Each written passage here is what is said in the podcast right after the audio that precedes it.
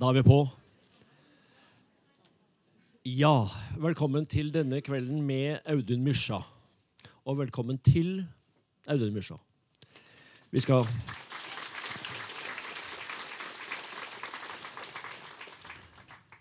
Navnet mitt er Per Bjørn Foros, og jeg har ansvaret for den serien som det her inngår i. Den foredrags- og samtaleserie under tittelen 'Hva er da et menneske?' Noen kjenner kanskje til den og har vært innom her før. og de er iallfall hjertelig velkomne igjen. Jeg tenkte faktisk å reklamere litt for det som skal skje utover våren i den serien her.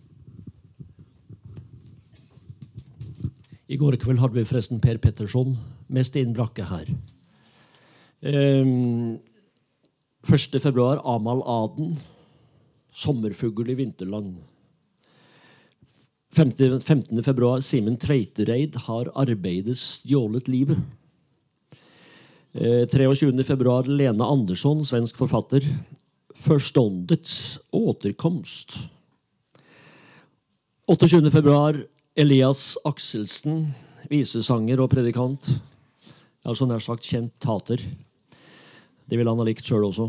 Eh, som skal Som jeg skal snakke med en om. Her kommer dine arme små. Eh, Vigdis Hjort, 11. mars. Foreløpig ukjent tittel. Og så kommer Audun Mysja igjen, slik at hvis du nå er fortvilt på vegne av venner som ikke fikk billett i kveld, så er det altså ny mulighet 21. mars. 2. april kommer Kari Weiteberg, biskop i Oslo. Hvem er den andre?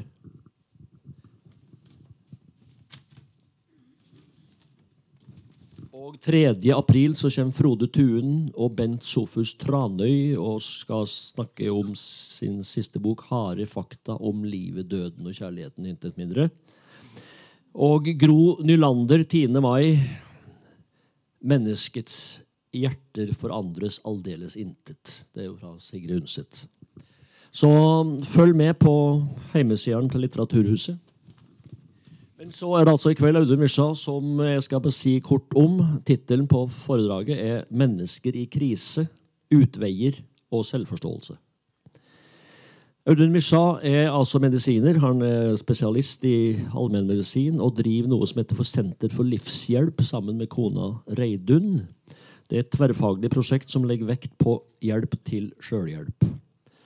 Han har utvikla et uh, fagområde som heter for mestringsmedisin, som fokuserer nettopp på å avdekke ressurser og, og gi individuelle verktøy til mestring. Både for mennesker med kroniske plager og for friske mennesker som ønsker vekst og sjølinnsikt. Særlig har han arbeidet med musikkterapi for eldre. Han har vunnet en rekke priser, bl.a. Den norske legeforenings kvalitetspris. Han har skrevet rekke bøker som har interessante titler som 'Det musiske mennesket'. Den musiske medisin. 'Den musiske medisin' står det her, faktisk. 'På vei mot en integrert medisin' og 'Kunsten å dø'. Det var, var Knut Hamsun var spurt en gang om han var redd for å dø. Nei, han var ikke redd for det hvis han ikke var nødt. Og det er jo alle disse, eller En del utvalg av bøker ligger her klar for salg og signering. Kjøreplanen i kveld er at han Audun snakker i ca. en time. Så tar vi en pause, der det da vil være salg av forfriskninger bak der. Og så blir det samtale med salen. Da blir det anledning til å spørre og grave og, og, og menge, meske seg, heter det kanskje, meske seg med, med det her. Så har vi nødutgang bak, og der de kom inn, toalett i begge etasjer bak i hjørnet der. De mest trengende finner nok veien. Uh, ja. Men da, Audun Mysja, er ordet ditt. Sett i gang. Hmm.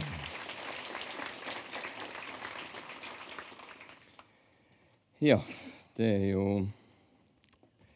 litt overveldende da jeg sa ja, så skulle jeg ha noe undervisning her i Trondheim. Jeg så for meg en sånn sitte og snakke med 20-30 stykker her på kvelden. Så, men jeg setter jo stor pris på at dere har funnet interesse for det. Jeg har i alle fall interesse for det. Det har vært mitt liv fra i ungdomsåra farta på her, og det, det er ganske sterkt for meg å være i bygninga her. For i en eh, hjemløs ungdom hvor jeg også utvikla sykdom, så hadde jeg jo to tilfluktssteder. Det var skyttel mellom biblioteket, hvor jeg kunne få tak i de ideene som jeg ikke visste fantes, men som ga meg en veldig gjenklang mot alt fra de første bøkene om meditasjon til Dostojevskij og co og psykologibøker. Muligheten da jeg sjøl begynte å slite eh, mer og mer og fikk en mystisk sykdom som ikke hadde navn den gangen, og som jeg holdt på å dø av. Eh, og at det fantes psykologibøker med den der forlokkende Kanskje fantes det noe en kunne gjøre. Kanskje fantes det noe en ikke bare var bundet av det som var skjebnen som oppsto i kropp og sinn. Og så Biblioteket her er et sterkt sted for meg, og Bymarka var det andre stedet. Naturen, der jeg kunne finne stillhet, ro. Og i den stillheten, når kaoset i hjerne og kropp begynte å stilne og la seg, så kunne jeg merke noe annet som steg fram. En stille tone som bar en annen viten, en viten om noe som måtte finnes et sted noe som måtte finnes i meg, i mennesket, i tilknytning til naturen. Noen ressurser som jeg ennå ikke hadde muligheten til å plugge inn i. Det var mine hjelpeløse tanker, mine aninger den gangen. Og det er jo mitt livsprivilegium at jeg har fått lov til å jobbe med mennesker som sliter på forskjellige måter. Siden midten på 70-tallet i helsevesenet og fått lov til å lære av livet og gå inn i rom eh, som aldri blir trivielle. Det å få lov til å dele noen av de tingene som virkelig betyr noe for mennesker. Jeg kom jo tilbake medisinstudiet her eh, når det var begynt å bli del to her på 70-tallet. Eh, andre del, og ble utplassert ut på Brekstad eller hvor det var. Og gjorde mitt første sykebesøk, og da, da var jeg solgt. For det, eh, jeg kom dit hen jeg fikk kontakt med den pasienten og familien, og nok til at de tok meg bort hvor jeg fikk se den raden som jeg er blitt så kjent med av bilder. Bryllupsbilder og barnas bilder og barnebarn og alt det der. Sto de og så på hverandre, tiska og hviska, og så tok de steget. De tok meg med bort på toppen av TV. Der sto relikviet. Det var gallesteinen i formalin, tatt på regionsykehuset i Trondheim. Og da skjønte jeg at at jeg var privilegert utover det jeg kunne fatte. Jeg ble tatt inn i menneskers intimsone, bokstavelig talt, inn i de innerste kamrene. og, og, det å den, det dype alvoret og den dype humoren i den der gallesteinen i Farmolin har fulgt meg hele livet som et bilde på det privilegiet å få lov til å gå inn i det som virkelig betyr noe for mennesker i liv og død. Og det er jo utopiene, det effektive vil fikse det. Kunstig intelligens, medisinens framskritt. Ja, flott. Jeg er med på det. Fantastisk. Men så står vi der med noen råe, nakne fakta som ingen har klart å gjøre noe med. Utopiene har kommet og gått. De verkene som står der, de verkene fra de store religioner, fra de store eh, litterære verkene, sier noe. Lidelsen er del av livet. Vi rammes av lidelsen. Vi rammes av død i det skapte. Men det fins en vei ut av lidelsen. Buddha snakker om stillhet, barmhjertig, eh, burde snakke om stillhet, finne det indre essensen og fellesskapet ut fra det. Kristendommen har snakka om barmhjertighet, det å gå inn i lidelsen, løfte. Og Medisinens oppdrag har jo løfta seg ut fra det.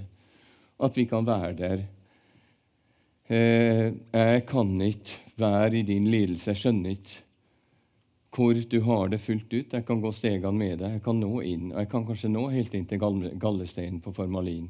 Jeg kan kanskje nå inn i dine innerste tanker. Og kan vi bre det ut over helsevesenets agenda til et samfunn som bryr seg? Et samfunn der vi dyrker empati, der vi lærer det fra barnsbein av.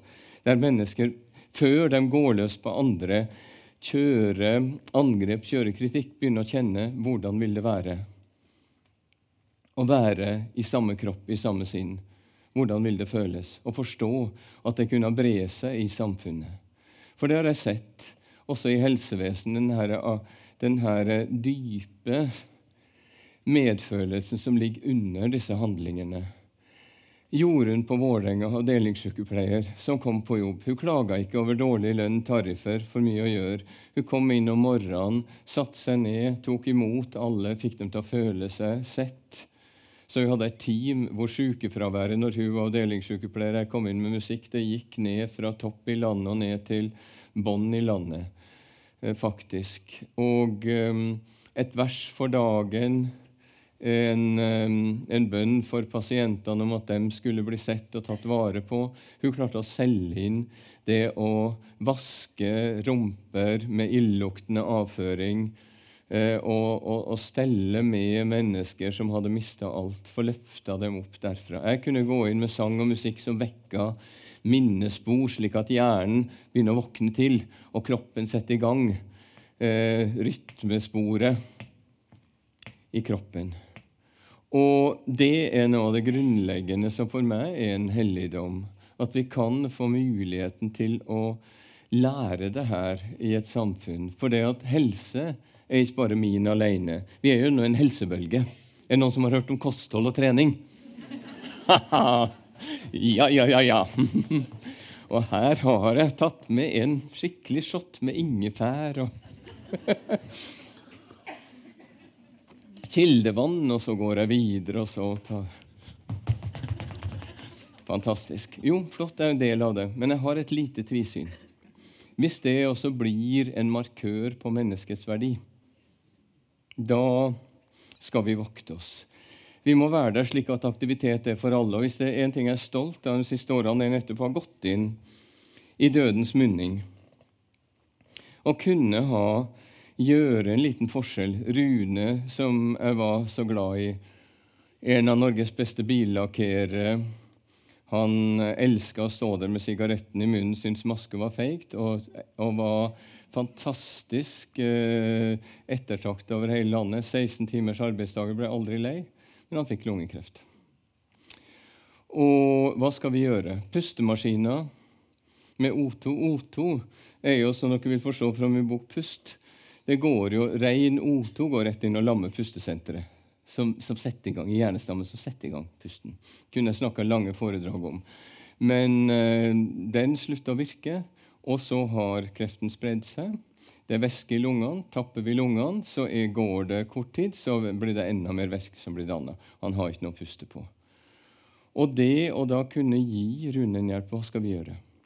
Og vi snakker om kompetanse. Å ja, vi skal finne ut av ting, vi skal kunne, vi skal eh, ha kunnskapsbasert medisin. Flott. Jeg vil slå et slag for hjelpeløsheten. Jeg vil slå et slag for ukunnigheten. Jeg vil slå et slag for det å bare stå der og kope og ikke vite hva en skal gjøre. For i den tilstanden, når vi klarer å bære den, ikke bare vligger ut av den, så kommer det ofte en, en løsning som vi ikke har sett når vi lytter. Det farligste for meg som lege, det er skummelt å si, og det er ganske skamfullt å si, de gangene jeg har vært eplekjekk, der jeg har gått inn og tenkt 'her veit jeg'. Da har jeg gjort feil. Når jeg har vært kompetent, dyktig og visste hva jeg har gjort. Når jeg har stått der og fomla, følt meg liten, hjelpeløs Er det noen av dere som har følt det sånn en gang? Noen gang? At her, her mestrer jeg ikke. Da har det ofte skjedd ting. Plutselig får jeg en idé med Rune. Han ligger der. Hva med om du forestiller Rune, eh, kjempelunger som du bare, Får jeg lov til det? sa han. Ja. Og han begynte å puste slik, som har blitt en av mine hovedmetoder i pust. Det store rommet. Bare åpna. Ja, men her var det rom, sa han. Han hadde sine ni måneder han levde, og fram til siste ett og et halvt døgn han kunne bruke der. Noe annet også. Han var sånn blueskar. Har dere truffet der seriøse diggerne? Nei. og, og um, fikk han til noen sånne seige blueskrever. han lå med og nynna og sang. Og når rytmen kommer i kroppen, det er noe av det som helbreder folkens rytme. Eh, forskninga på pust går på noe som heter koherens. altså et vanskelig begrep, Men det går på at de rytmiske systemene i kropp og sinn går sammen. Da får du en indre ro. Og hvis vi, har, hvis vi får rom og tid, så kan jeg vise det her eh, for dere for en fantastisk metode. Men Rune kom inn i den her, i den her uh, rytmen som går gjennom kroppen, og da merka han det letta som med pusten. Han hadde ikke noe å puste på, men når han fikk den derre Well, I'm a rolling and a tumbling, I cry the whole night long. Well, I'm a rolling and a tumbling, I cry the whole night long. When I woke up this morning, all I had was gone. Og, og, og det er også det der ikke lyge om det som er vanskelig. Ikke si at 'ja, men Rune, det her blir bra'. Det blir ikke bra. When I woke up this morning, all I had was gone. Det er det jeg elsker med å bruke musikk og sang inn imot det som plager mennesker. For å slippe å sitte der og være sånn 'Ja, det blir bra', eller være sånn salvesesulje føler med deg i din jeg, jeg, Skjønner dere? Jeg syns det er vanskelig. Men jeg kan synge med Rune 'When I woke up this morning, all I had was gone'. Jeg skjønner ikke åssen det er å være i Runes kropp, men da kan jeg føle det et øyeblikk. I den der. Han lå der. Han lå der på dødsleiet. Folkens, jeg fikk følge Rune i døden. Han lå der. Du, du, du, Og rytmen bar han. Han ble båret av den pulsen, den dypere pulsen. Livspulsen. Og da kan vi gjøre litt. Vi kan nå det her lille rommet. For lidelsen er ikke bare min eller bare din. Lidelse angår oss alle. Og, og vi kan være der. Bare det med pårørende i arbeidet mitt f.eks. som overlege ved Hospice Lovisenberg, kunne lære pårørende eh, som sitter der, istedenfor at de bare sitter med eh, mobilene, for de, eh, de er redde, de er utrygge, de vet ikke hva de skal gjøre. Eh, få satt dem i gang. Fotmassasje, munnstell. Å oh, nei, det er fagpersoner, fag, eh, fagpersoner som skal til munnstell. Ja, ja, ja. Den der svabben som du renser munnen med. Hvis du ikke er fagperson, så går den gjennom ganen, og den går inn til på fysen og rører rundt i hjernemassen. Det er livsfarlig. Get real. Det, det, det vanlige menneskelige. Det pårørende har sitt og stelt sine egne. altså det bare den her nære, kjære, at vi kan gå inn og få de her enkle verktøyene som vi hjelper oss sjøl og andre med. Sånn at det å møte lidelsen kan, kan være de her små tiltakene. For, for, lidelsen møter oss i mange former. Det kan være en hverdagslig form. Hvis det er en klinisk ferdighet jeg er stolt av, som jeg er veldig god til Det er litt sjølskryt, men dere får tåle det et øyeblikk. Jeg er veldig god til å fjerne sveiseblink. Jeg kan ta det bare sveiseblinken ut fra, fra hornhinna bare med en, um, bare med en sprøytespiss uh, på direkten. Det virker ikke som dere Det virker som det vakte sånn veldig lyst, akkurat. Men, men når et menneske blir rammet av sveiseblink, uh, hva engasjerer det mennesket? Verdensproblemene? Brexit? Debatten, eller? Når sveiseblinken er der, er det mennesket opptatt av én ting. Forstår dere? Folk sier menn, menn tenker bare på én ting. Ja, når de har sveiseblink, tenker de bare på én ting. det skal jeg love dere. Eh, og, og, det å kunne gå inn og gi de her små, meningsfulle tingene Og av og til er det så instrumentelt at du kan bare fjerne sveiseblinken. Verdensorden gjennompretta. Så er jeg nå i helga. Jeg har en utdanning som kalles enhetsterapi. Noen fantastiske grupper som bare har blitt styrka de senere årene. Ei ung kvinne flytta fra Sverige til sin store kjærlighet, en ung nordmann. De har flytta sammen, skal bygge livet sitt. Så kommer hun med tomt blikk. Få dager før helga er han revet bort i en ulykke. sånn. En 28-åring på veien i livet. Det er også del av det som møter oss. Det er real life. Og det er heldigvis ikke så ofte, men det skjer. Og hva gjør vi? Det er ikke som en sveiseblink, en enkel operasjon. Men vi kan stå der og romme det. Og der er stillheten. Vi snakker om ett minutts stillhet. Jeg syns det er for lite. Jeg syns vi skal romme stillheten. La stillheten fylle oss. For å ta imot det som vi ikke har en enkel sprøytespiss, en enkel, et enkelt tiltak for. Det som vi kan nå inn til oss sjøl og hverandre med. Og jeg oppdaga gråtekones hemmelighet i allmennpraksis for en 30 år siden med ei ung jente som var i den situasjonen. Og det sitter ordene faller til jorda. Men jeg kan. Plutselig stiger det opp av kroppen en, eh, en lyd som eh, kommer før sjølsensuren går.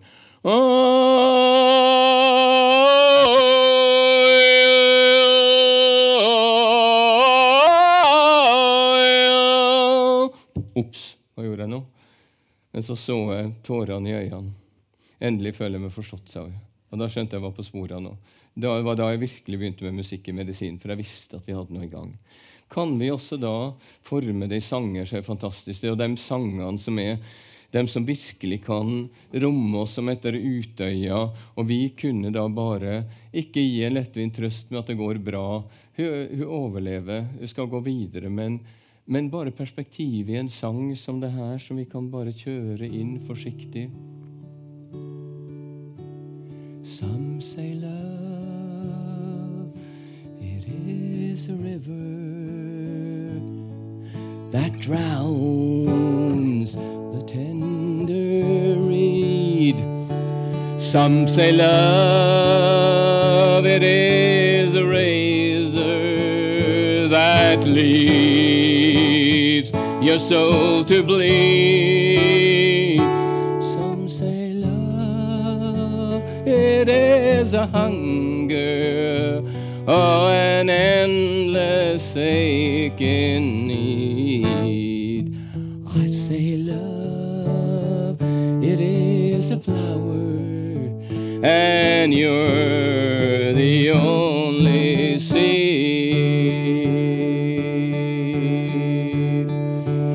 it's a heart afraid of breaking that never learns to dance. It's the dream afraid of waking that never takes the chance.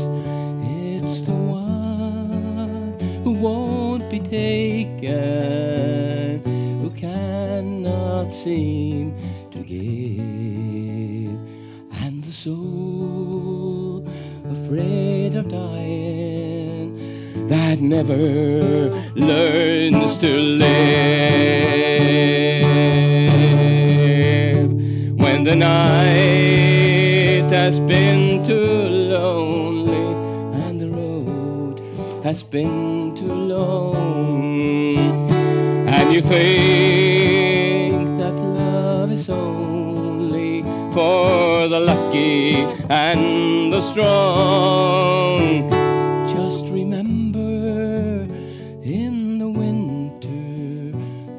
Beneath those bitter snows, lies the seed that with the sun's love in the spring becomes the rose.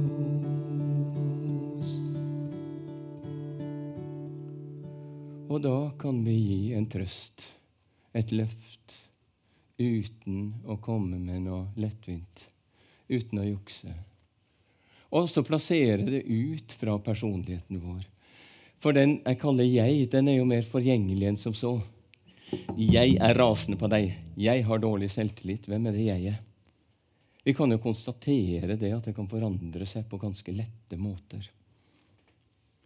Jeg har dårlig selvtillit.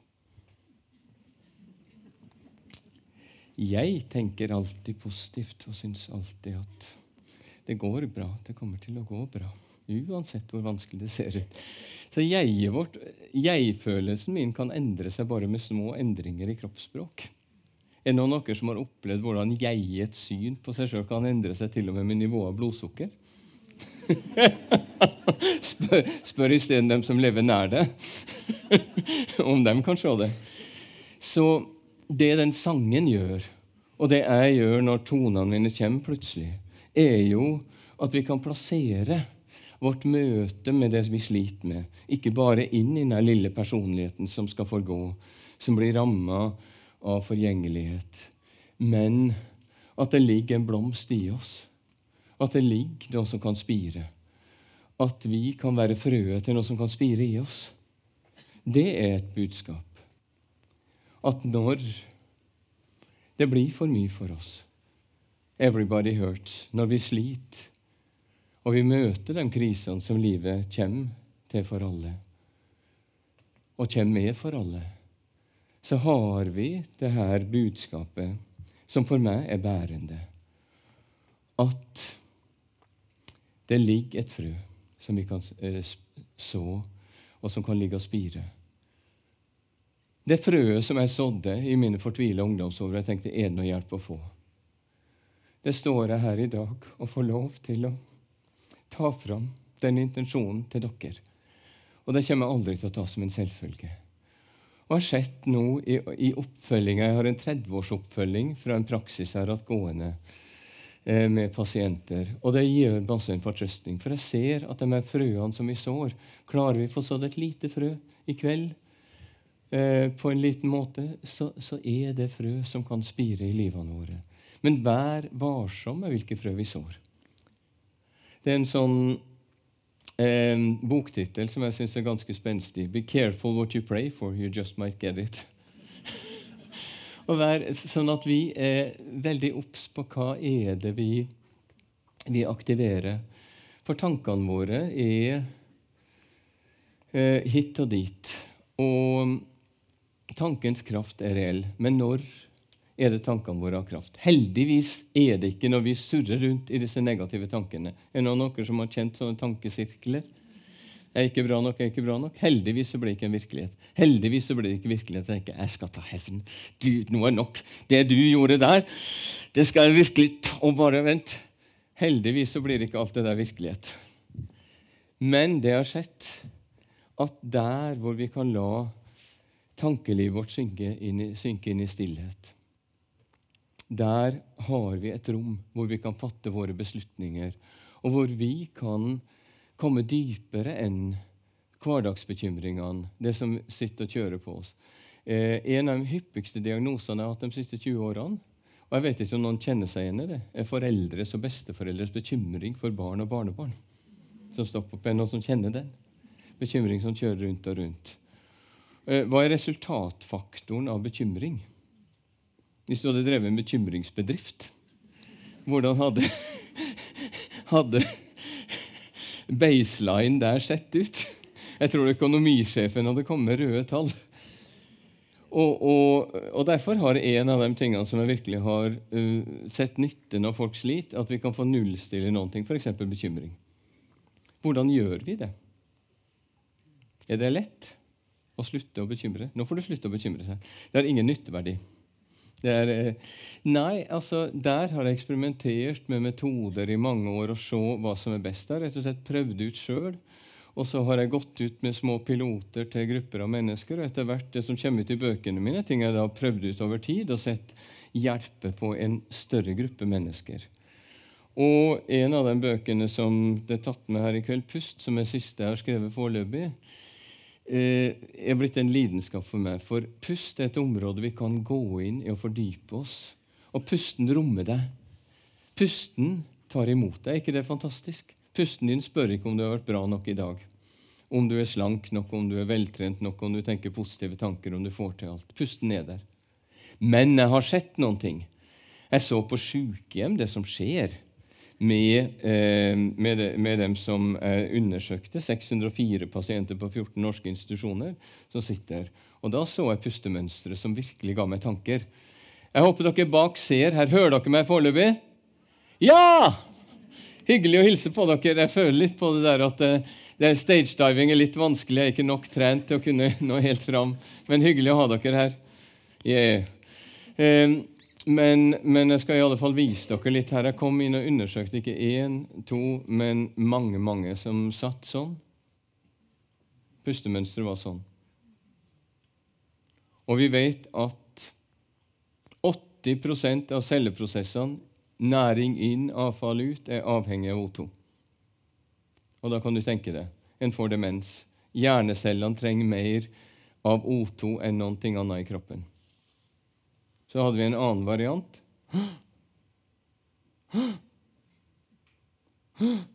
Og det verste var at de ansatte, når de ble stressa, så hadde de akkurat en annen speed variant på speed-variant av, av pustemønster 2.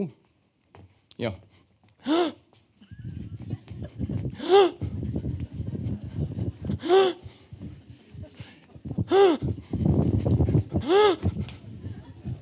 Ja, pip, pip, pip, pip,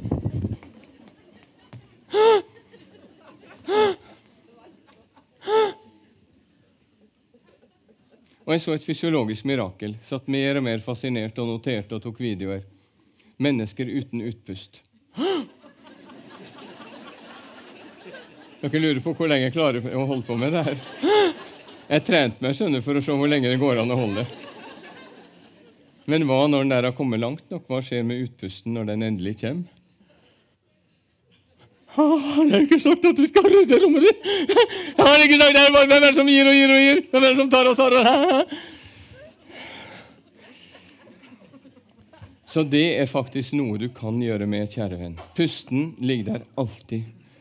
Og, og, og ikke snakk og, og, no, om at sånn og sånn er å puste riktig. Pusten er din. Prøv å kjenne på det som ligger i pusten. For i pusten ligger det en dybde, ikke bare fysiologi. Det ligger psykologi, det ligger åndelighet. Inspirasjon. Er det ikke, Hva er dere ute etter å få her i kveld? Jeg har spurt folk av og til. En av tingene som jeg får som svar, er inspirasjon. rett og slett. Er det rimelig dekkende? Og det inspirie snakker vi om i medisinsk. Er ikke det fantastisk hvis vi tenker noe? Og nå får alle som er her i rommet, lov å puste inn.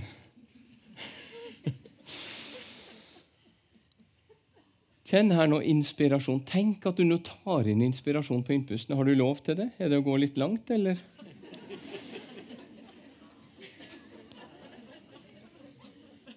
Her er en litt annen innpust. Og så se her nå. Her er Og utpust. Og legg merke til det ekspirasjon. Vi sier ofte sånn ta inn O2, og så kvitt deg med møkka.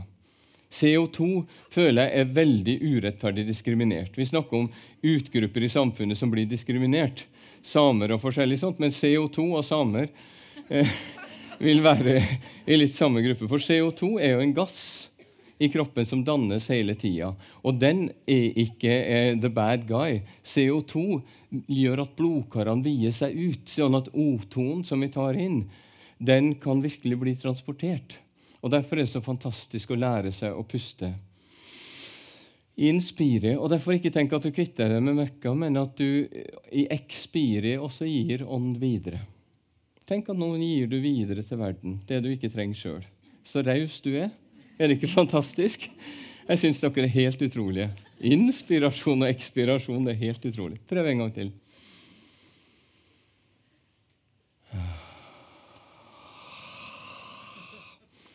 Og nå kommer vi til bekymring. For hva skal vi gjøre med bekymring? Jeg har aldri sett mennesker virkelig klare å forandre noe som vi ikke godtar først. Hvorfor det? For hvis, vi, vi, vil gjerne være bedre. Vi har en kritiker som sier du skal være bedre. Og så har vi en som prøver under pisken å gjøre seg bedre.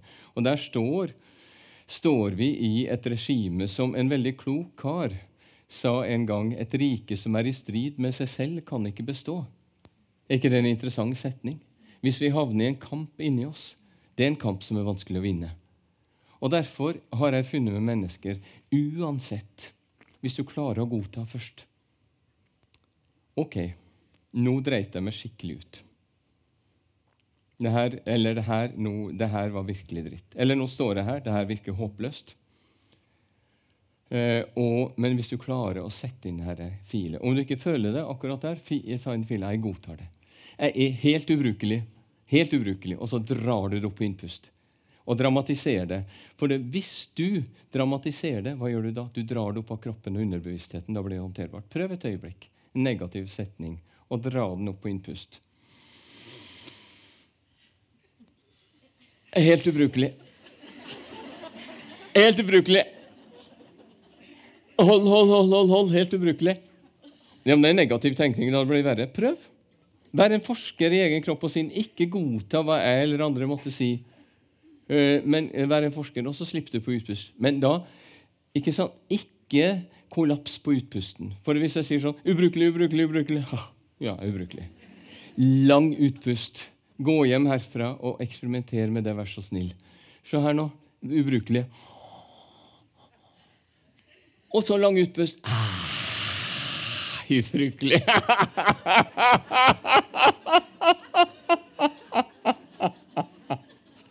Ingen liker meg.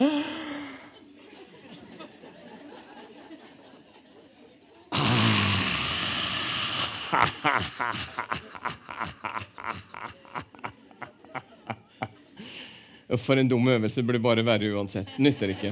Nytter ikke. Nytter ikke, nytter ikke, nytter ikke.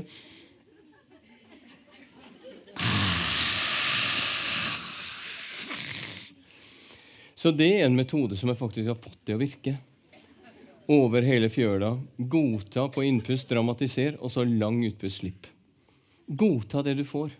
Og hvis det da kommer noen som tviler og sier nei, det her virker ikke, godta det også. Ta det opp. Det her virker ikke. Dra det opp. Nei, det her virker virkelig ikke. Det her er bare dumt. Det, det å kaste bort tida. Det her er å kaste bort tida. Det har jeg faktisk fått til å virke. For hvis du holder på lenge nok med det, hva skjer? Jeg skal vise dere hva som skjer. Nei da, det er det samme når jeg har prøvd enda en gang, og det er samme dumme greia hver gang. Så havner du her plutselig.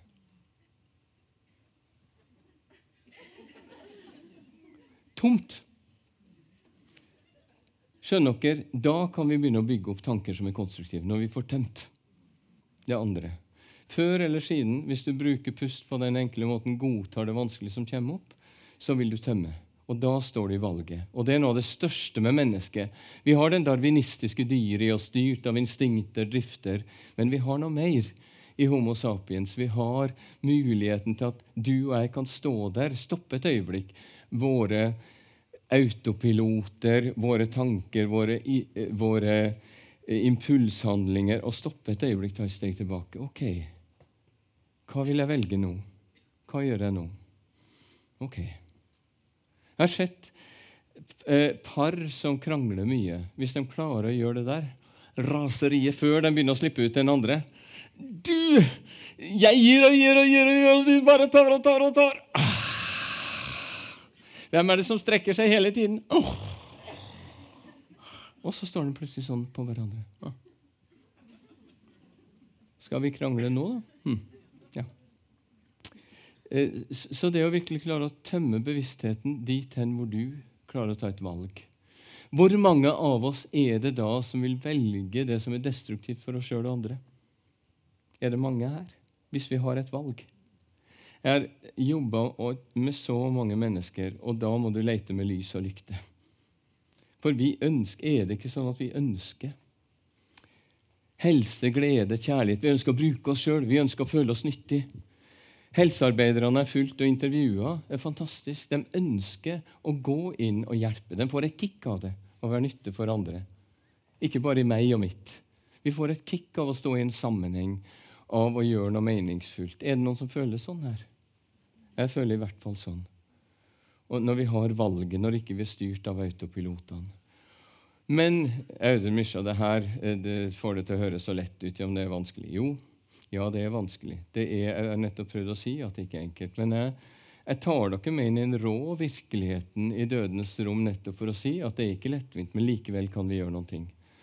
Jeg har skrevet ei bok eh, Jeg skulle sagt 'Jeg elsker deg' som går eh, på samtaler rundt døden. Nettopp oppdagelsen av at sjøl om sykdom, død, hva det enn er, rammer oss, så fins det et rom der vi kan velge. Jeg fulgte Trine i seks år. Eh, hun hadde fra å være en vanlig stressa medborger Plutselig så fikk hun beskjed om at hun hadde fått eggstokkreft med spredning i endestadium. Eh, det der var i juli i 2014. Du har, eh, du har kanskje tre, år, tre, måneder igjen å leve, til oktober. Skikkelig voodoo. Men eh, hun levde i seks år. Hun prøvde alt. Eh, alt medisinen hadde å by på, healere fra Amazonas og blodigler, jeg vet ikke hva. Eh, men i den fasen skjedde noe annet. Og det er det som jeg vil være vitnesbyrd om, kjære venner. Nemlig at det, eh, hun gikk fra å være en eh, bekymra, stressa, vanlig borger til å være en person som midt i det hele heva seg over det.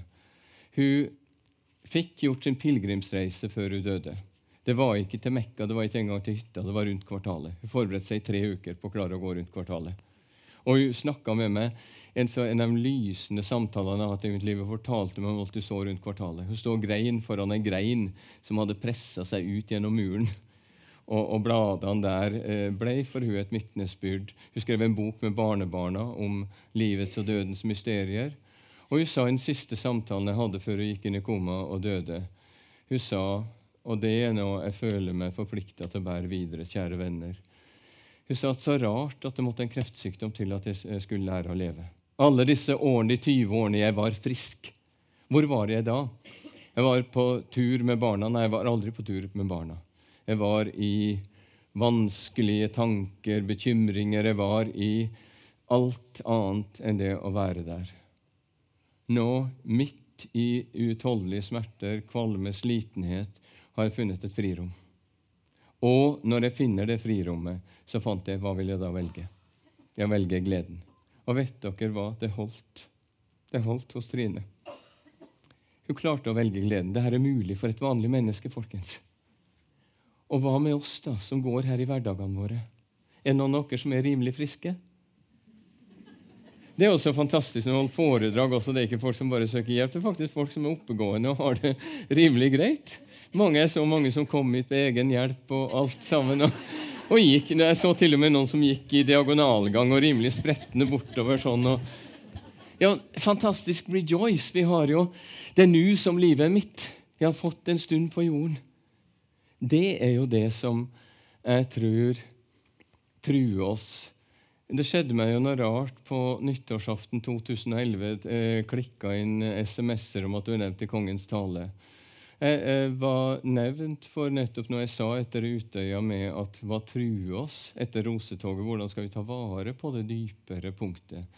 Jeg, jeg, sa at jeg tror trivialiseringa truer. At vi blir hele tida hengt opp i ting som ikke betyr noen ting som helst i det store spillet. Det var det Trine frigjorde seg fra. Det var det hun var hengt opp i mens hun var frisk. Alt det derre ergre seg, ergra seg voldsomt over en kjendis på, på, på, TV som hadde et slips som ikke matcha eh, dressjakka, ikke sant? Skrive inn til NRK. Jeg skal ikke harselere med det, men det kan være viktig nok det for hva jeg vet. Men skjønner dere hva jeg mener? Hun fikk vite noe om hva som var det vesentlige. Men det som ble sterkere for meg, var en sang jeg med skam å melde ikke kjente ikke som dikt engang, hvor kongen satt der og messa som en indisk mantrasanger, ikke som en som leste et manus. Mangt skal vi møte, og mangt skal vi mestre. Og for meg etter det har det blitt en av de mest betagende daglige meditasjonene som jeg prøver å ta for meg sjøl. Ikke at jeg alltid klarer å følge, men bare den muligheten som Erik Bye tok fram etter å ha møtt en multihandikappa mann som spilte i et døveorkester. Han så ikke, han hørte ikke, han kunne nesten ikke bevege seg. Han spilte med en glede som gjorde at Erik Bye dediserte det her til oss, og kanskje oss alle. Bare det som ligger i linjene her. Kom og lytt til lyset når det gryr av dag. For solen løfter sin trompet mot munnen. Og kom og lytt til sommerfuglers vingeslag, for denne dag kan bli vår beste dag. Og stien som vi gikk i går, er like ny. Hemmelig som ved det første morgengre. Og mangt skal vi møte, og mangt skal vi mestre, og dagen i dag, den kan bli vår beste dag.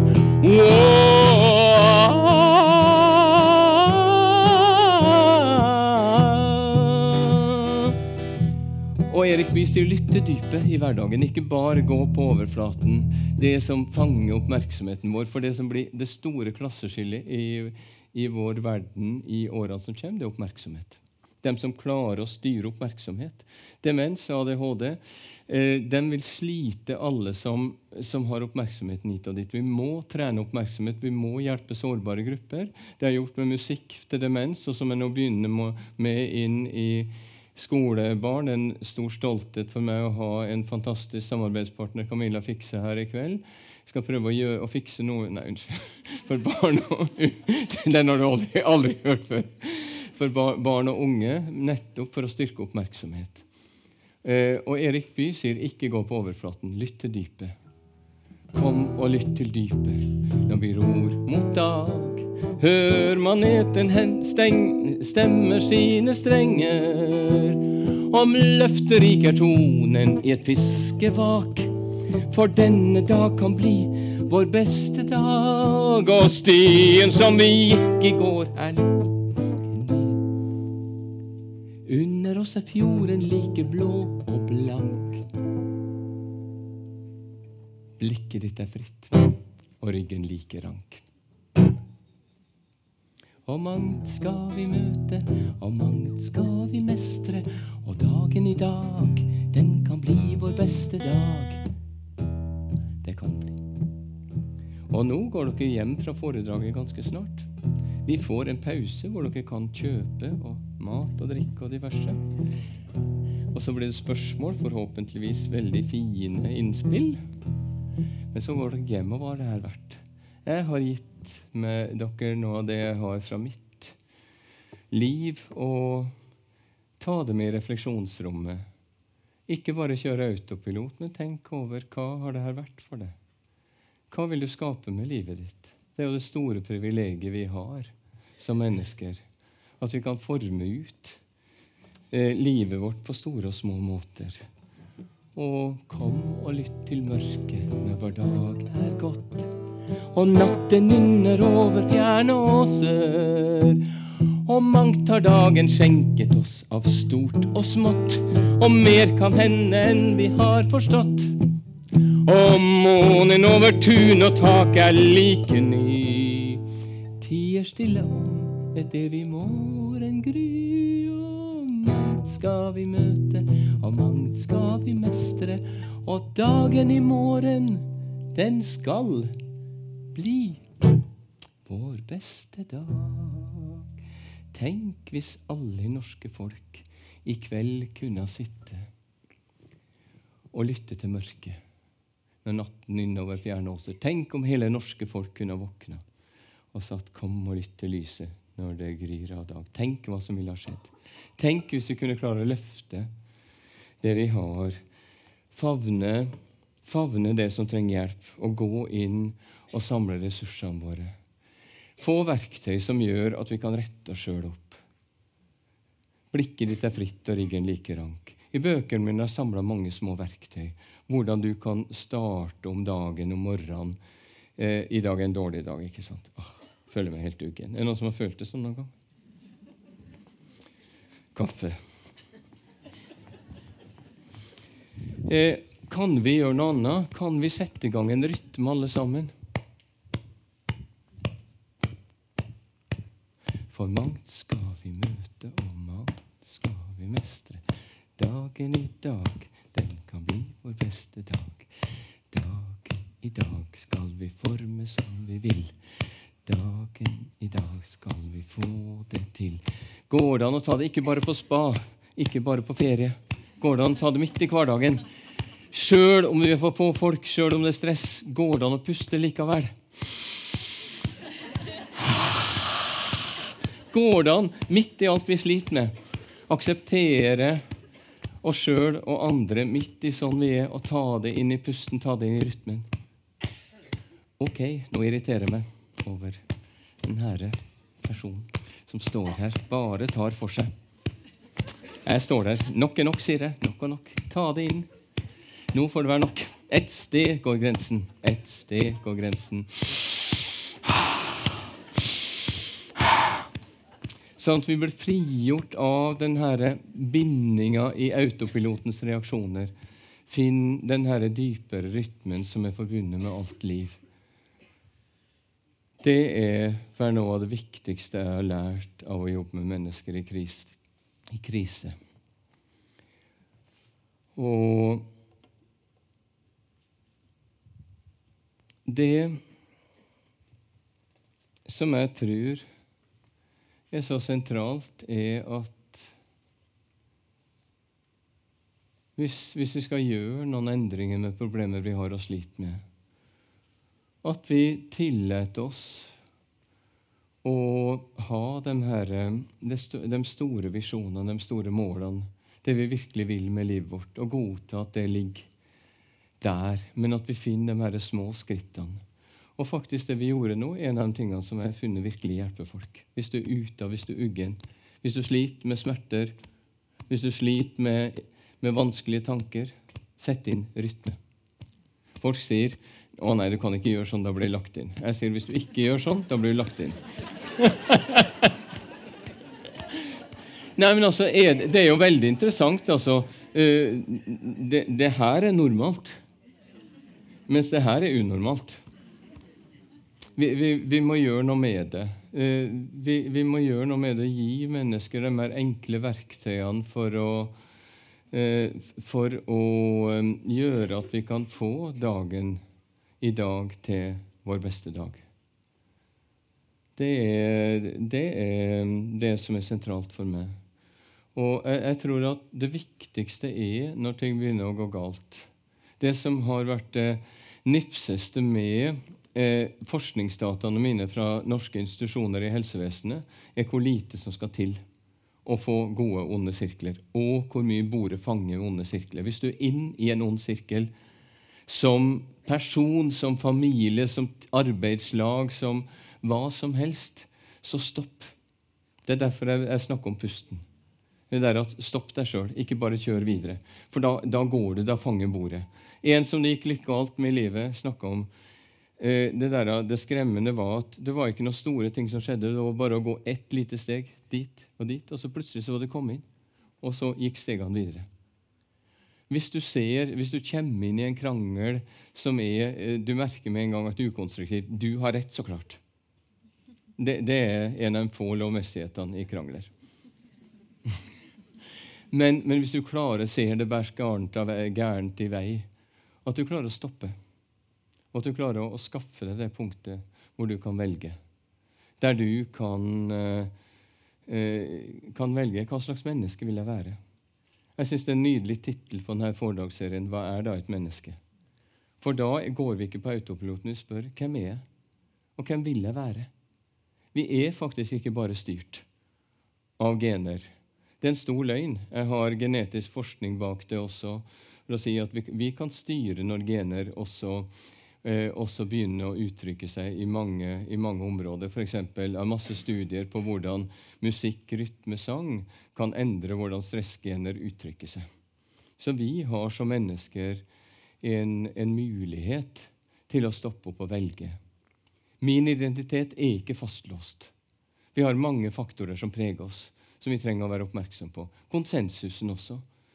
Tidsklemma har jo blitt en konsensus. Er det noen som har hørt om det? Er det rolige Trøndelag også?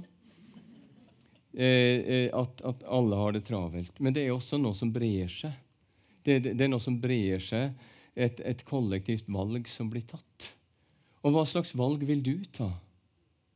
For, for mange sier til meg 'Å nei, lille meg, jeg, jeg, spiller ikke så stor rolle'. Forskningsdataene mine fra institusjoner viser at én person som går i lås, som begynner å, å, sabotere, eller som tyske i korridorene, har en enorm makt. Én person som går inn og virkelig ser andre og, og løfter andre fram, har en enorm makt, folkens. Vi er mektigere enn vi tror, i vår maktesløshet og i vår mulighet til, til å velge. Og det er ikke avhengig av å få det til eller å være fantastisk, men det er avhengig av en beslutning om hvem vi vil være i verden. Hva som er viktig for oss, hvilke verdier har jeg, hva er det som betyr noe for meg, hva som er bærekraftig. Det er det som har lært oss av å jobbe med mennesker i krise, med mennesker eh, på dødsleiet. Verdiene. Hva er det som virkelig betyr noe for oss? Og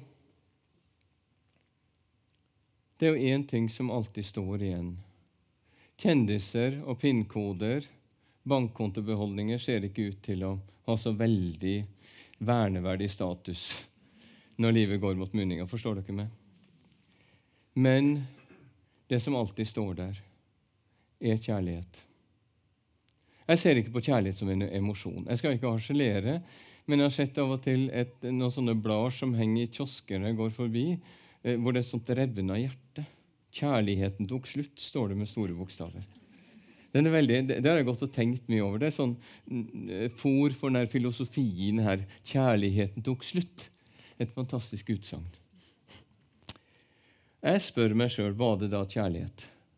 Jeg syns jeg har sett i møte med mennesker og inn i det her rommet Eh, av en eller annen grunn så kommer det her med døden inn flere ganger i kveld. Ikke fordi jeg er mobilt fiksert på det, men fordi at så mye av det nakne som står igjen etter livet li, Møtet med døden har ikke gjort meg mer fiksert på, på å dø eller det døde. Tvert imot. Det har hele tida vært et wake-up call. At vi har ikke all verden av tid, vi har ikke all verden av rammer. Vi har denne muligheten som er, er gitt oss her og nå i dag. Og jeg satt der på dødsleiet til Knut og så det ni år gamle barnebarnet jeg var sammen med henne siste natta. Hun satt urørlig og holdt bestefaren i hånda. Hun ville ikke gå fra, for hun var så glad i bestefaren sin. Den båndene som bærer oss. Jeg sitter som tiåring på Haramsøya hos min farmor og farfar, og vi synger eh, det her andre versene, denne sangen, som ingen av oss eh, heller ser ut til å bli lei av. Det kommer det andre verset. Tider skal komme, tider skal hen rulle. Slekt skal følge slekters gang. Og jeg så på min farfar. Og det var en substans som gikk videre. Jeg kunne føle det var akkurat som noe tok bolig i meg. Og det var siste jula jeg så han. Han døde kort tid etterpå. Den derre som binder oss mennesker sammen.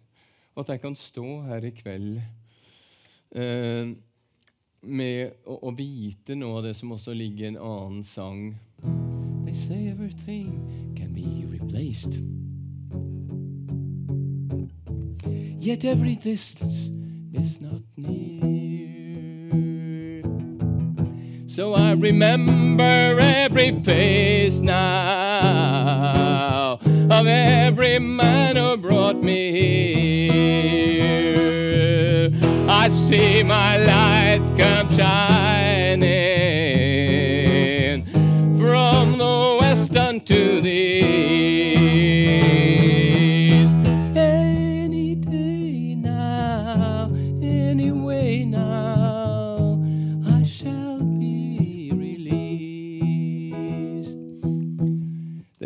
everything can be replaced. Nei, det har vært min erfaring med å jobbe med mennesker ved et fingeravtrykk.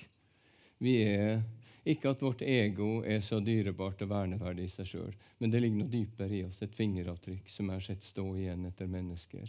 Det hullet som blir når vi mister noen. Og vi kan lære oss å leve med tapene ut fra den viten at vi står i et større system. Vi kan ta det videre. Vi kan bære det videre. Og I remember every face now, every man who brought me here. Vi står her. Jeg står her. Kanskje du sitter her også nå. Et produkt av alt du har møtt. Mennesker som har hjulpet meg. Mennesker som har gjort det mulig for meg at jeg står her i dag. Og Derfor så er jeg tror jeg, de største kvalitetene, bærekraftige kvalitetene gjennom kriser. Og det som tilsynelatende bitterhet. Den kan aldri si at lidelse rammer rettferdig. Det er en hån mot lidelsen i seg sjøl. Men vi kan se alt som har brakt oss hit, alle de alle de synlige og usynlige kreftene, alle hjelperne, alle mennesker som har stått der og vist godvilje. De har brakt meg hit i dag. Jeg står her ikke bare i kraft av meg sjøl. Jeg står her også som et produkt av min farfar og de stumme sliterne som bar igjennom slektskap følge slekters gang. Jeg står her med alle som har hjulpet meg når jeg trengte mest. Og det minste jeg kan gjøre, er å gi noe tilbake. Bære det videre så kan livet vokse. For jeg tror at Jeg så en reklame Jeg var i TV sjøl, men var på hotell, og så så jeg en reklame i går at 'Because you're worth it'. Fordi du fort, jeg fortjener det. Beklager, folkens. Jeg kan aldri si at jeg fortjener alt det her. Jeg kan ikke si at jeg fortjener å få lov å stå her i kveld. Men jeg kan prøve å bære det fram, og jeg kan i hvert fall Jeg syns det er ganske rimelig med takknemlighet. Og jeg syns det er ganske rimelig også å ære mennesket. Jeg ser mennesker som står i vanskelige omstendigheter, handikap. De løfter seg hver dag. De, de gjør det lille for å, for å hjelpe andre. Dypt handikappa Kjersti som bor rett ved sida av senteret vårt, som kommer innom for å få en klem. Eh, en klem. Hun, hun, uh, hun trasker av gårde og gjør sine små gjerninger, brer det lille rundt seg, gjør det beste ut fra sine forutsetninger. Jeg syns mennesker fortjener anerkjennelse. Mennesker løfter seg sjøl mer enn vi aner for å gjøre de her små tingene. Eh, foreldre sitter og vaker over syke barn. Sitter, eh, omsorgen, omtanken som er der når, når rammet menneske. Akkurat som Linnea, som jeg starta med og skal slutte med. Hun kommer der med sitt tomme blikk Og bare kjenne igjen som barnebarnet til Knut den kjærligheten som favner. Av mennesker som kjenner godt, av mennesker som ikke kjenner. Det er noe som drar oss sammen. Det er en dybde, det er en styrke. Og det gir oss bærekraft. Og det gjør at jeg tror på menneskeheten. Jeg tror vi skal klare å overvinne utfordringene vi står i. For det er den bærekraften. Men jeg tror vi skal si et stort takk for at vi finnes. Som Evert Taube sier, at det er ikke noe selvfølge. Hvem har sagt Hvem har sagt at just du kom til verden? For at solskinn på lykka og lykka på ferden. At under stjärnornas det hører ut i en svans og ta et kyss eller to i en yrende dans. Og han sier også hvem har sagt at just du skal ha hørsel og syn? Er det noen her som har hørsel og syn? Tenk på det. Jeg vet alle dem som sliter med det. Hører vågornas brus og kunne sjunga. Yeah, kan sjunga. Og hvem har sagt at just du skal ha den beste menyen? Det var for lite krem i cappuccino. Best. Litt brutal enn unnskyld. og som fågeln på vågorna ljunga Att vid motorernas gång och vid fastmakten ble lang Snart klinger klokkan for deg, ding, ding, dong. John, sa, John Donne i 1617 eller noe sånt sa Ingen mann er nøy. Vi er ikke bare sjøltilstrekkelige. Om en liten eh, leirklump blir revet vekk fra en kyststripe, så er havet endra, kontinentet endra. Og vi står i en større system, og derfor sier han Spør aldri hvem klokken ringer for. Klokkene ringer for deg. Snart ringer klokken for deg, ding, ding, dong. Så lenge skutan kan gå, så lenge hjertet kan slå, så lenge solen den glitrar på bøljarna blå. Så kommer det en påstand. Er den dokumentert ved randomiserte, kontrollerte studier? En sann? Eh, det er en rasende tur at du lever, min venn, og kan gå omkring her i Trondheim. Om pengene og helsa tar slutt, gå, til, gå en tur igjen. Da, da, da, at du kan, om alt sammen går galt, så er du faktisk i live. Og klarer jobbet med glans. Gå i land noenstans. Ta et kyss eller to i en yrende dans. Så lenge skutan kan gå, så lenge hjertet kan slå, så lenge solen den glitrer på bøljarna blå. Så fra meg til deg en stor takk for at jeg får lov til å stå i verden og dele det som betyr mest for meg i livet. Det, det er et mirakel som jeg aldri trodde skulle skje meg. Og Lilla ja, lilla ja, danse med Fridtjof Andersson. Og, men, men, vet du hva? Jeg ser det samme skje med mennesker rundt meg. På våre små måter. Så kan vi få til livene våre. Vi trenger ikke å sikte så høyt. Vi trenger ikke å lage noen voldsomme ting ut av det. Men bare få noen gode dager der vi kan få lov til å snakke sant og lov til å leve de livene vi trenger. Så det er det jeg ønsker å dele med dere i kveld. Så tusen takk fra meg til det.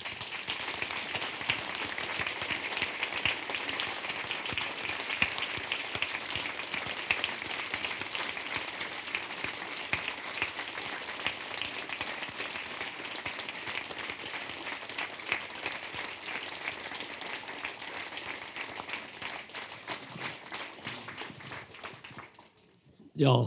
Det der taler vel sitt eget språk, det. Og jeg ser fram til samtalen etterpå. Men da skal vi altså ha en pause. Både med tanke på blodsukkeret og eh, puste dypt i pausen. Ja, det er, det er, lov å puste i pausen, også pustepause, kan vi kalle det. Vi kunne tatt en kollektiv sånn kollektiv. Vi bare tar før vi går i pausen. Vi bare tar en enkel en her nå.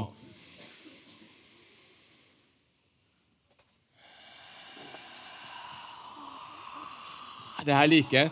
Trønderne kan jo puste, sjø. Eh, det er det jeg har sett. Trondheim er virkelig på vei opp. Strålende. Ta dere en liten pause, så møtes vi igjen.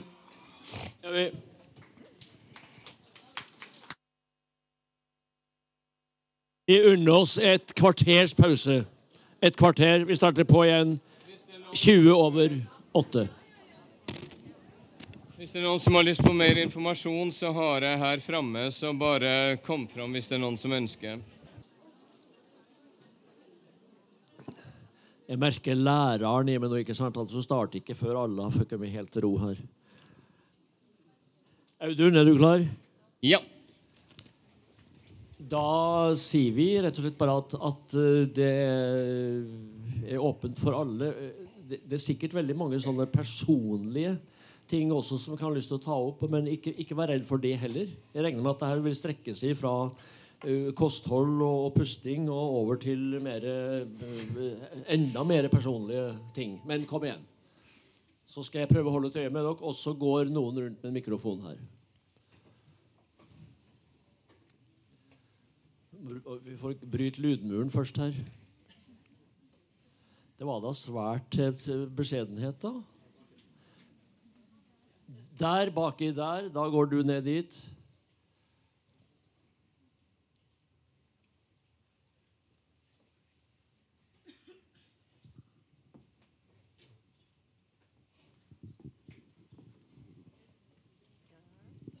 Hallo? Ja. ja hei. Eh, takk for veldig bra foredrag. Eh, jeg tenkte på det her du sa om vi må vie vår oppmerksomhet mye mer. Hva tenkte du på når du sa det? Altså, hva er det vi skal vie vår oppmerksomhet mot, og hvorfor? Det er, det er, et uh, veldig godt spørsmål, et veldig godt utspill. For det er jo det jeg har begynt å se uh, når jeg undersøkte barn som sleit med læringsvansker.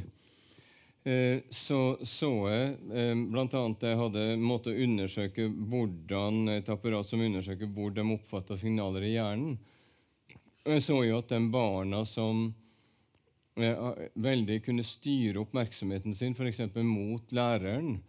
Eh, hvis vi ser på sanseapparatet vårt, er jo f.eks. øynene og ørene er laga sånn at det ene øyet styrer og det andre støttes. Eh, samme øre. Eh, Dvs. Si at det ene fanger opp detaljer. Akkurat som hvis du skal høre ordene mine, og så må det ene øret fange opp ordene, og det andre mer setningsmelodien. sånn at hvis jeg snakker sånn, så blir det vanskeligere for deg å høre. Hvis jeg snakker sånn, sånn, blir det litt vanskeligere også fordi alarmen går. Eh, så, eh, så, jeg så at de som sleit, hadde vansker med å bruke den der fokuseringsfunksjonen i, i sansene. Og da eh, drev jeg på og trente med dem. Det er bare ett eksempel fra arbeidet mitt. Jeg har gjort noe lignende med, eh, med demens og med mennesker som, eh, som sliter med sykdom.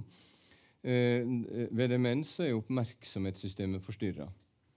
Og, og, og, nå er det litt vanskelig her, for det at eh, Tåler dere at jeg går litt inn i nevrofysiologi også?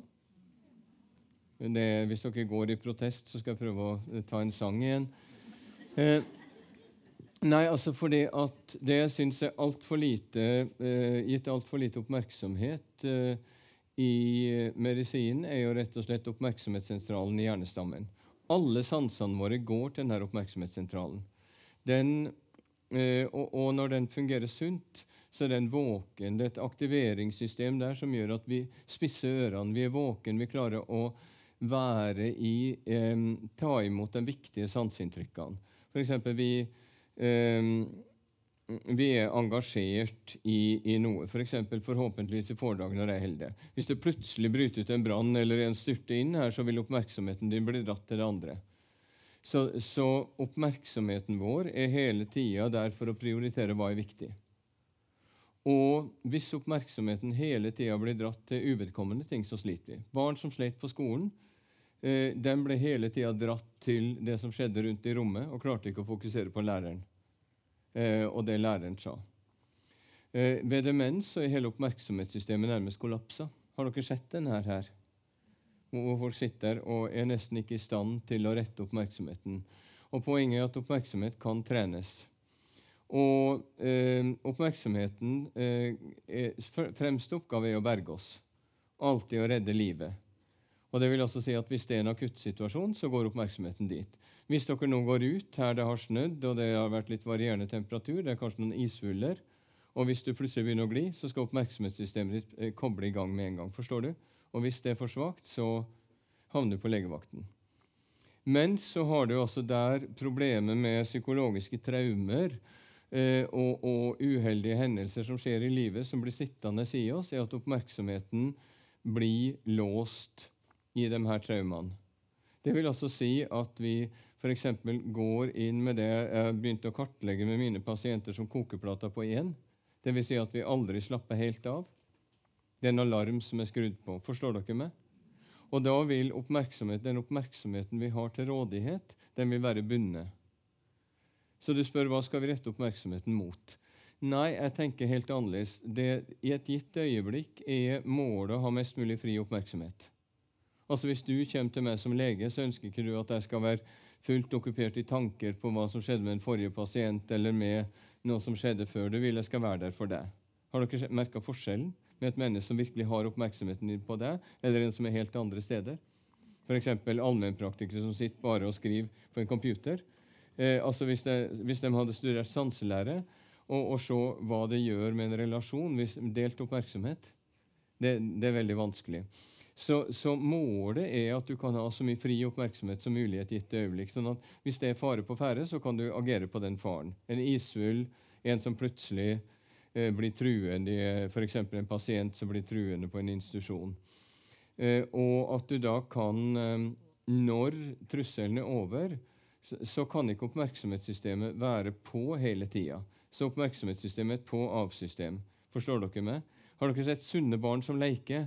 Det er en fantastisk studie av oppmerksomhet. Når de er frie og trygge, så er de all over the place. De våkner opp, og så er det noen som har hatt den tvilsomme gleden av hatt et par sånne to-fireåringer i, i, full drive, friske som sådan. Hei, det er så fine Hva heter du? Hæ? Hæ? Å, ja. Å, den der er så fin. Mm, mm.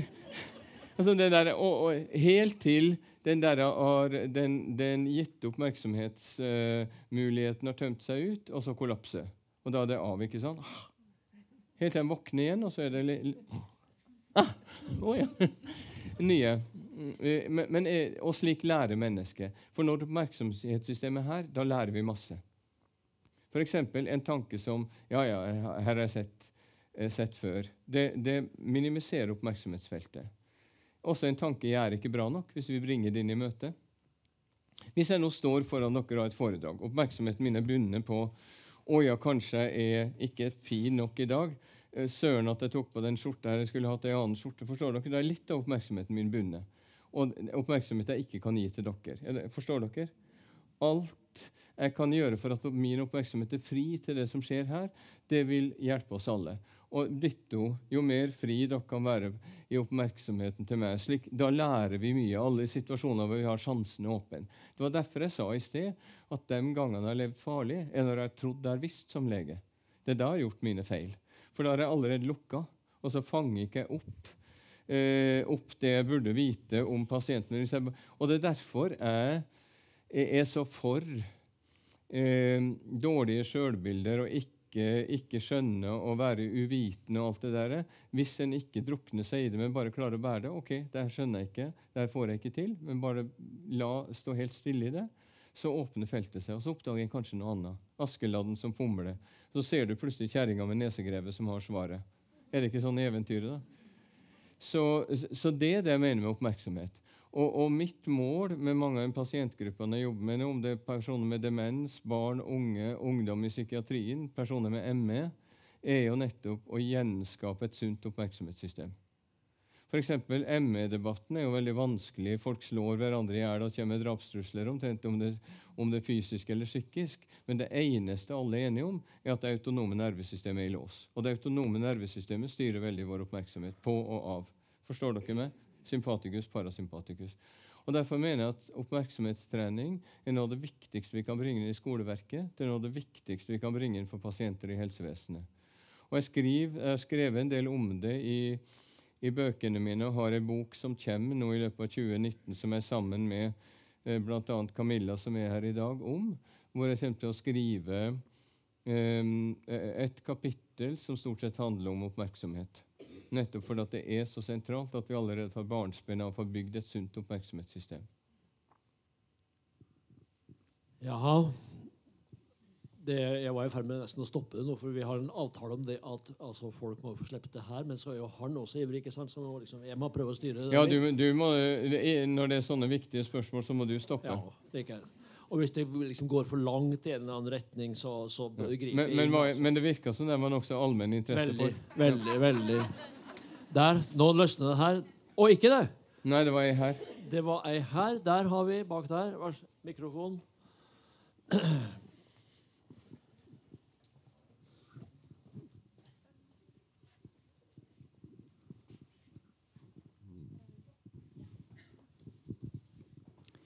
Tusen takk. Jeg syns det er så viktig det du sier, Audun. Tusen takk.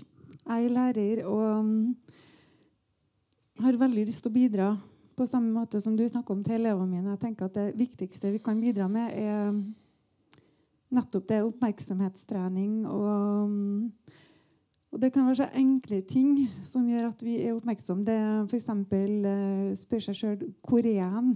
Mm. Når er jeg? Fordi vi ofte er i fortid eller fremtid. Mm. Og det skaper f.eks.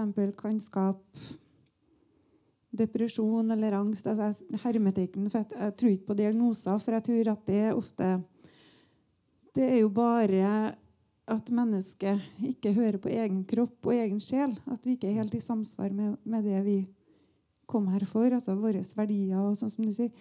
Men uh, jeg ser altså elevene mine Når de er borte i oppmerksomheten, er enten på mobilen eller de de er i angst, og, og, det er aldri fagene det, det er noe med. Sånn, det er alltid at de sammenligner, sammenligner seg med andre, eller de er redd for mm. noen ting. Eller, så bare det å gå ved siden av noen og gi litt råd og vink om oppmerksomhet og mm. bevissthetstrening, og hva vi kan gjøre med bevisstheten, mm. det syns jeg er helt fantastisk. Ja, eh, jeg tror, jeg tror, det er viktig at det bygges opp gode mønstre der fra barnsbeina av. Og, og, det er helt klart i min observasjon av mennesker at det med sammenligning det er en vanskelig størrelse, for da låses oppmerksomheten. Da lager du den polen der ute. Og da har du mye mindre oppmerksomhet igjen til å kunne f.eks. lære, ta til deg skolefag eller lære av livet eller uh, utvikle ferdigheter. Så Jeg tror, jeg har sett f.eks. i det her akademiske arbeidet jeg har gjort med institusjoner i helsevesenet, jeg ser at eh, de institusjonene som har lavest sykefravær, der skjer det noe. Fokuset er på oppgaven, de syv små dverger, og sammenligning med hverandre. Hvem, for eksempel, hvem jobber mest, hvem jobber minst?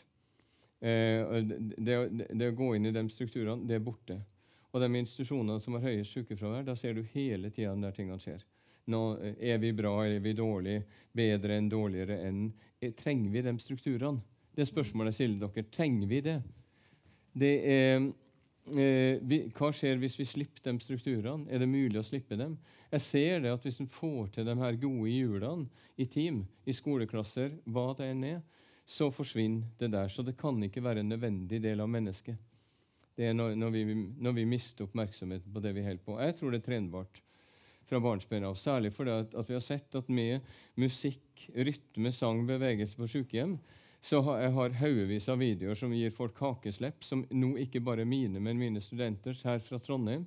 Jeg kommer fra Persaune i dag med noen geniale videoer eh, som folk tar, som viser hvordan enkle tiltak med sang og musikk gjør at oppmerksomhetsfeltet Dere har sett eldre som er helt sånn, eller bare der ute. Men hvor du får det totale kontakten med mennesker med enkle midler. Så det å finne de her verktøyene og gi det til den enkelte tilpassa sånn at du får den her eh, tilgjengeligheten. For da lærer mennesket.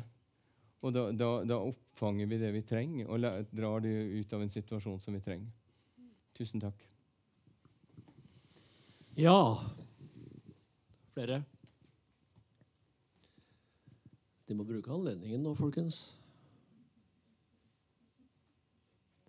Ja, her var en til. Der. En bak der. Mm -hmm.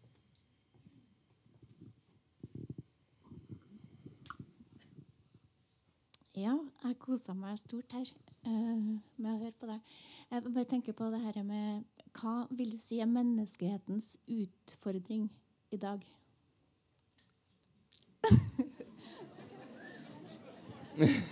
Ja, du får uh, tre minutter på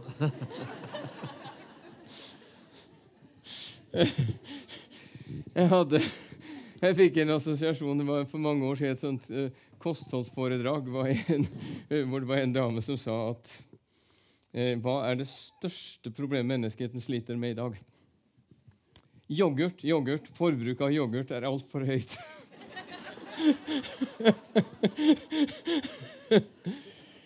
um, oi, oi, oi. Ja. Wow. Det er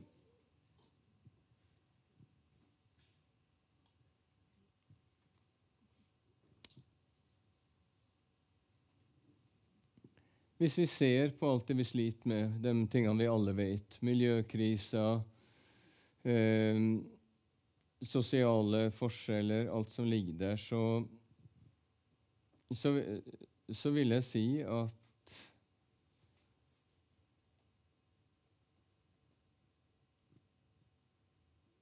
Bevisstheten om at hvert enkelt menneske kan gjøre en forskjell, hvis den kan vokse, så vet vi fra mye forandringsforskning at endringer fra toppen av pyramiden er mye mindre effektive og mye mindre varig enn fra bunnen av pyramiden. Der hvor mennesker våkner. Der hvor mennesker gjør andre valg med livet sitt. Og det sprer seg i større og mindre sammenhenger i et samfunn der vi tror at, uh, at det nytter. Der, vi, der, hvert menneske får muligheter til å bruke sin bit av oppmerksomhet av, uh, av valg. Og det kan slå seg sammen i, i sterke grupper som brer seg uh, gjennom jorda. Jeg hadde et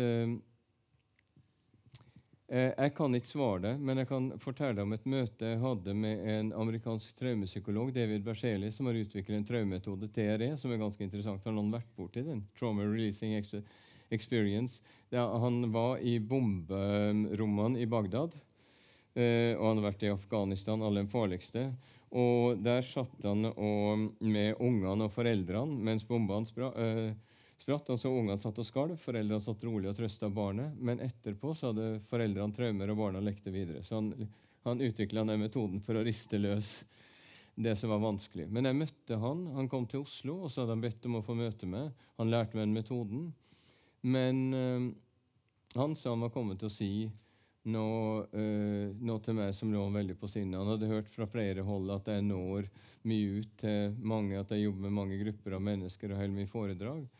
Og, og, han sa at han har vært i de farligste stedene eh, på jorda. I Midtøsten, eh, i eh, Syria, i Afghanistan. Holdt på å bli drept mange ganger. Han sa I fear humanity is about to self-destruct.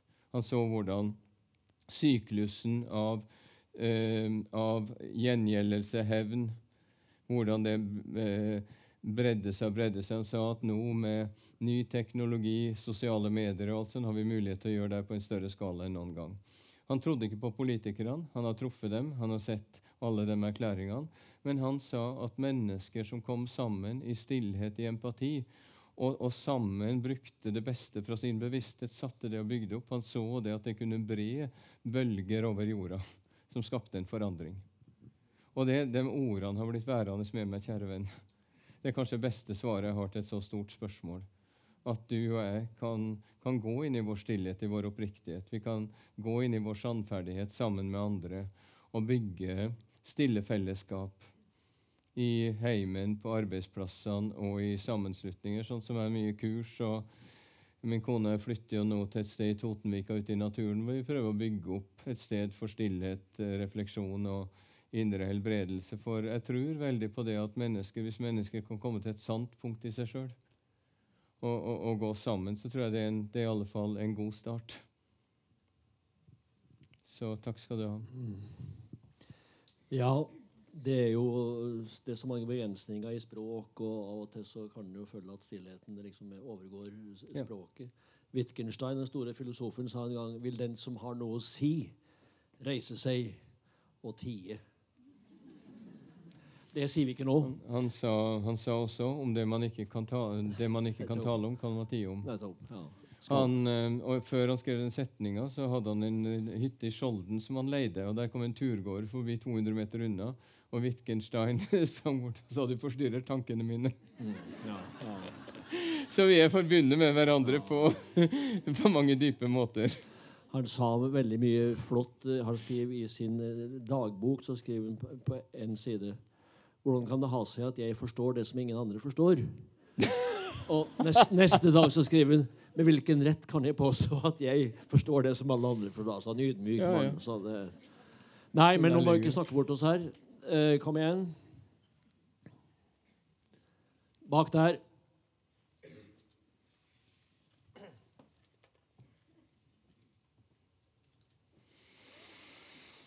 Ja. Hei. Tusen takk for et veldig bra foredrag. Inspirerende. Mm. Ja, når at dere sier dere om Wittgens- Witt- Wittgenstein, får ikke si engang, eh, så blir jeg litt redd, da, for at jeg egentlig skulle ha kanskje helst ha tida. Men um, jeg har jobba i barnehage i mange år, og har over flere år uh, reflektert over at uh, jeg føler på at det er noe vi har misforstått uh, med barn og Eh, og det med det å snakke om når du har gjort noe feil, og det å altså Misforstått det med tilgivelse og det å si unnskyld. og um, Nå hører jeg meg sjøl snakke, for jeg syns det er veldig vanskelig å sette ord på det, men jeg har noen tanker og følelser rundt det at hvis bare alle kunne ha lært uh, fra han er liten at Nå blir jeg veldig rørt. At det å gjøre feil hører med livet. Og da tenker jeg, Har du noen tanker hvordan kunne vi gjort det i barnehage eller når vi jobber med barn?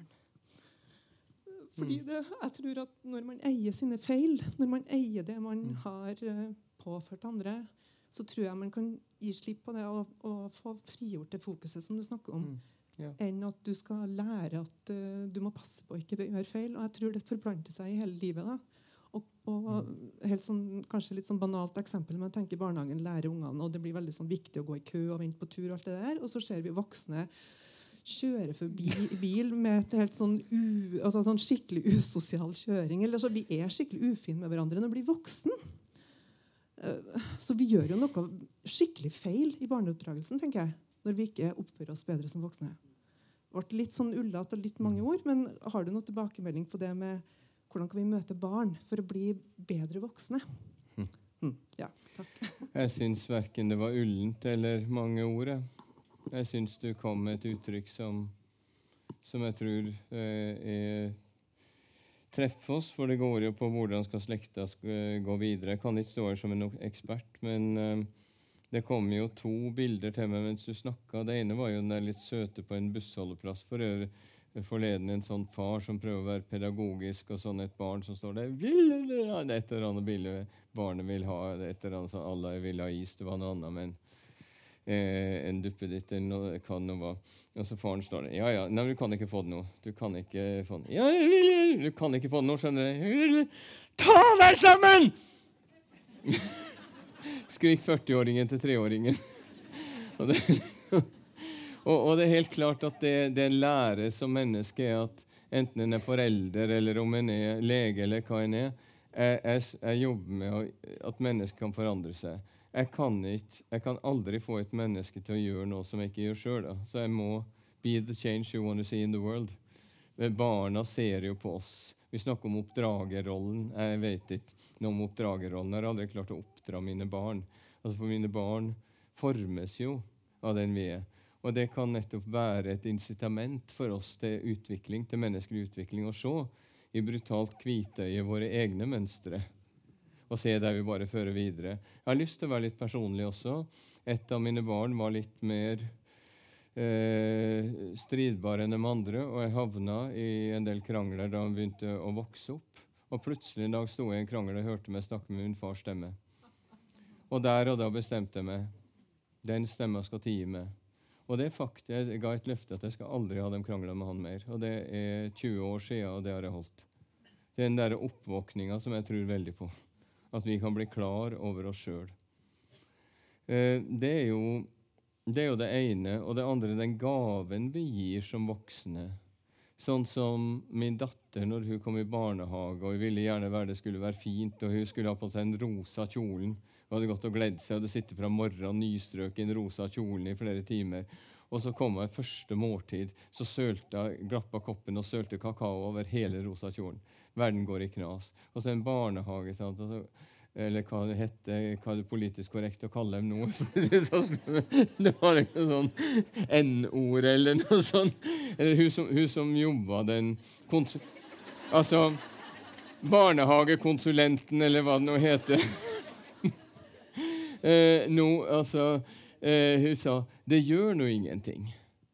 Og, og, bare det hvordan hele verdensorden ble gjenoppretta. Hun kom tilbake med den utsølte rosa kjolen, spankulerende.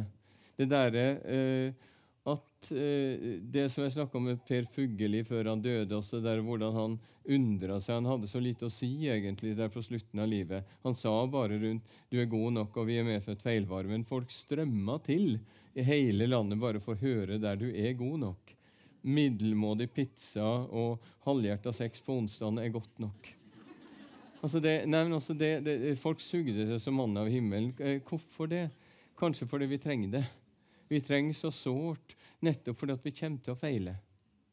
Eh, vi, vi, vi har våre gode intensjoner, og, og, og gi oss i dag vår daglige feil. For den kommer til å komme. Og, og, og det er slik vi lærer, hvis vi kan gi. Det er det jeg mener med empati. At vi kan lære opp det fra barnsben av. Og hvis vi har et samfunn som blir så styla opp at de, mange av de ungdommene som nå, uh, som nå uh, jeg får inn, som ofte tatt med av bekymra foreldre, føler sjøl at de ikke kan nå opp. De blir helt feil overfor de idealene som vi setter opp. Vi må klare å få en bevegelse hvor vi frigjør alt det der og sier at OK, her er vi. Og, og, og feil er Feil og rett er del av samme dansen. Og jo mer du kan feile, som lege f.eks. har gjort Jeg har gjort et par forferdelige feil som jeg fortsatt kan våkne opp kaldsvettende. Den ble ikke oppdaget, det gjør det ikke noe bedre. Men de feilene en vekker. Jeg gjør dem ikke mer. Det er en gave å feile. Og slik kan vi få erfaring, og det må barn lære fra barnsbein. Det er rommet vi må gi dem. Det er et pusterom det var det jeg mente med utpusten i sted. Og, og, og det, eh, Jeg vil slutte med det, for vi må snart eh, få avslutte. Men jeg har lyst til å komme med et, eh, et mantra jeg har. Eh, som er det andre, bortsett fra 'mangt skal vi møte, mangt skal vi møte'.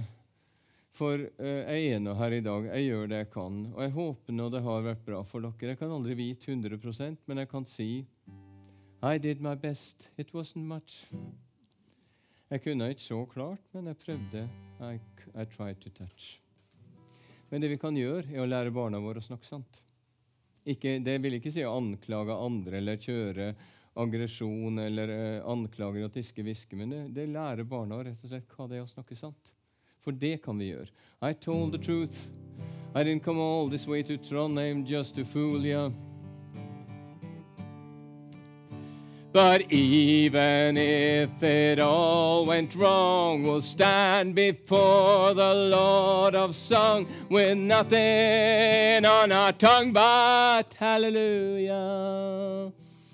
Og så kan barn og voksne og hele verden, uansett hvordan det har gått i dag, så kan vi uansett hvilken form Han sier også Leonard Cohen It doesn't matter which you heard, the holy or the broken, hallelujah. Om det er vellykka eller mislykka, om det er flott, formfullendt, eh, så kan vi bare synge alle sammen. Halleluja, halleluja, halleluja. Halleluja.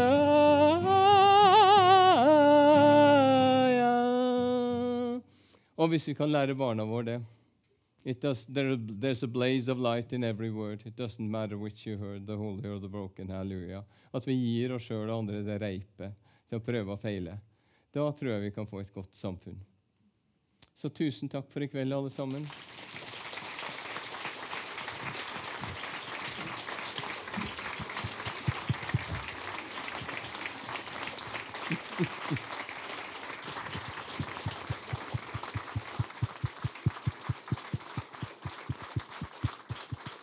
Ja. Du tåler det? Du tåler det?